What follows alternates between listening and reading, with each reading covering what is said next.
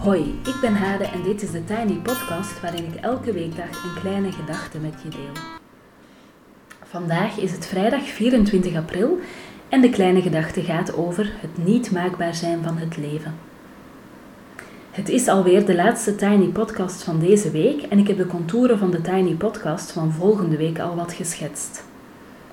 Ik heb volgende week weer een magisch verhaal voor je in petto. Er komt een bijzonder boekaanbod en ik ga het over eigen ruimte hebben. Maar vandaag gaat het over het niet maakbare van het leven. Ik was iemand met een soort strak plan, dat vermoedelijk ook wat ingegeven was door de Vlaamse cultuur en de volgorde waarin je dingen doet. Iets met studeren, een lief vinden, vaste baan, trouwen of samenwonen, een huis kopen, kinderen krijgen. En aan dat huis kopen gaat ook vaak een huis bouwen vooraf in Vlaanderen. In mijn leven is die rechte lijn nogal een kronkelig pad geworden en daar heb ik echt veel last van gehad, omdat ik voortdurend het gevoel had dat ik gefaald had of mislukt was. Zeker in vergelijking met mijn studiegenoten, die voor een periode wel de rechte lijn konden bewandelen en er pas veel later, of nog steeds niet, een keer van afweken. Ik ben uiteindelijk gaan zien dat die bochten, de dingen waar ik niet voor gekozen had, maar die wel gebeurden, dat die betekenis en zin gaven, dat die me vormden. Maar dat was best taai. En daarover schreef ik dit stukje als de column Moederbrein voor Psychologisch Magazine. Het stukje heet Niet maakbaar. Niet maakbaar. Dat het leven niet maakbaar is, is een rode draad door het mijne. Op een dag was ik twintig. Ik had geleerd dat alles kan, als je het maar wil. Als je je best maar doet.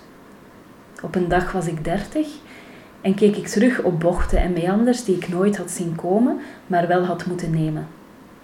Vandaag ben ik 33. Ik heb het leven gemaakt. Het zit in mijn buik, het schopt en het is met twee. De baby's zijn in de meerderheid en dat confronteert me nogmaals met het niet maakbare van het bestaan. Zelfs als je bewust hebt gekozen voor een zwangerschap en alle omstandigheden zijn naar behoren, is het nog moeilijk dealen met maandenlange extreme misselijkheid en vermoeidheid waar niet mee te onderhandelen valt. Soms is het alsof ik uit elkaar val. Soms voelt het alsof ik mezelf niet meer ben. Soms lijkt het alsof ik helemaal naar binnen keer. Nu ben ik een broedmachine en binnenkort een melkfabriekje. De wereld mag in brand staan. Deze kokon heeft geen nooduitgang. Ik zit op de bank en ik voel hoe de ene baby de andere wakker maakt.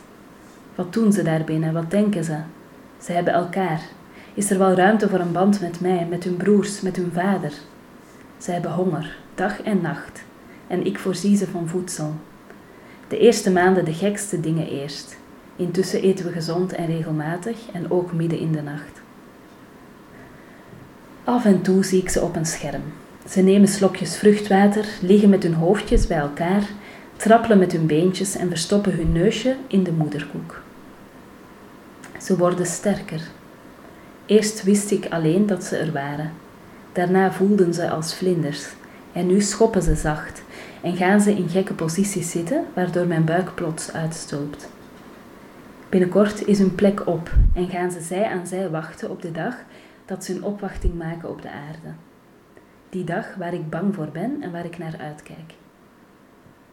In de kokon vraag ik me af wat ik hen ga leren. Niet dat het leven maakbaar is, dat alles kan als het maar willen en hun best doen. Misschien net dat het leven niet maakbaar is en dat dat soms een behoorlijke portie veerkracht vraagt. Ik zal hen leren dat ze goed genoeg zijn zoals ze zijn en dat we er zijn, welke bocht of meander ze ook nemen. Maar misschien is het genoeg om de melkfabriek te zijn, te zorgen voor warme bedjes, schone kleedjes, een schouder voor boertjes en armen voor traantjes. Misschien is het genoeg om rondjes te lopen door de huiskamer met hen, liedjes te zingen en verhaaltjes te lezen. Misschien is het genoeg om hen mee te nemen naar de duinen en naar de zee. Misschien is het genoeg om hen te leren fietsen op kleine fietsjes om pannenkoeken te bakken op hun verjaardag, om op een bankje te zitten bij de speeltuin. Hun levenslessen ontdekken ze zelf wel. Intussen zijn de dames uit deze tekst geboren, uiteraard. en ze zijn bijna twee.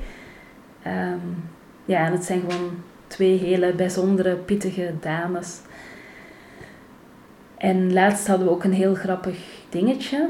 De jongste van de twee, Jutta, was op haar mondje gevallen. Dus ze was in de tuin aan het lopen en ze was gevallen en haar knietjes waren geschaafd, maar haar lip bloedde ook. Ehm, ze was opgeraapt door de buurman die er net sneller was dan ik. Ehm, en toen werd ze naar mij gebracht, krijsend. En haar zusje, Janne, krijste nog veel harder en nog veel langer. Ook al was ze niet gevallen. Maar ehm, ja, ik vind het mooi om te zien hoe je nog geen twee kan zijn en zo empathisch. Dat je meer verdriet hebt om het zusje dat gevallen is dan het zusje zelf omdat ze gevallen is. Dus dat zijn van die mooie twin things.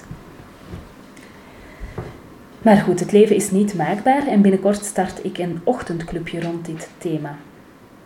Een ochtendclubje is een mini-cursus van een week waar je elke dag een opdracht doet online, denken, schrijven, creatieve dingen, en waarbij er elke ochtend een meeting is via Zoom van 7 tot 8 met de andere deelnemers en mezelf. Er zitten maximum 7 deelnemers in een clubje. En de ochtendclub die start op 11 mei gaat over het niet maakbare van het leven. De tekst die bij de ochtendclub hoort is de volgende. We leven in een wereld waarin het geloof in het maakbare heel groot is. Als je maar genoeg plant en organiseert, heb je alles wel in de hand. Als je maar de juiste mindset hebt, als je maar mediteert, als je maar aan yoga doet, als je maar positief affirmeert, als je maar, als je maar, als je maar.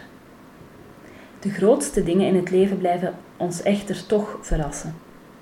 Zowel het positieve als het negatieve. Je krijgt een kind. Je kan geen kind krijgen, ondanks die mindset en je strakke plannen. Je partner wordt verliefd op iemand anders. Je verliest je baan. Je ontmoet per toeval iemand die een beslissende wending aan je leven geeft. Door het ongebreidelde geloof in het maakbare is het omgaan met de positieve en negatieve breukmomenten in ons leven best verwarrend. Je lijkt plots in een ander verhaal terecht te komen, te zijn, terechtgekomen te zijn, dat je zelf ooit voorzien had. En net die breukmomenten en hoe je er naar kijkt, geven richting en betekenis. En daar werken we in de ochtendclub een week lang rond. We zoomen in op stukjes van jouw levensverhaal. Door elke dag een online opdracht te doen, een denk- of schrijfopdracht en of een creatieve opdracht, en elke weekdag in een groepje van zeven deelnemers een online meeting te hebben. De info kan je vinden in de tekst die bij deze podcast hoort. En als je je nu inschrijft, kan je met de kortingscode koffie met kleine letters 25% korting krijgen. En de plaatsen zijn beperkt en de helft ervan uh, zijn al ingenomen. En zo zijn we aan het einde gekomen van de Tiny Podcast voor vandaag. En ook zelfs voor deze week. Reacties en tips zijn heel welkom en ook je verhalen over synchroniciteit. Een fragment uit een bijzonder boek met een toelichting waarom het een bijzonder boek voor je is. Of een brief van je 80-jarige zelf aan jezelf van vandaag. Zoals ik er één voorlas op 16 april en één op 23 april. Fijn weekend en hopelijk tot volgende week.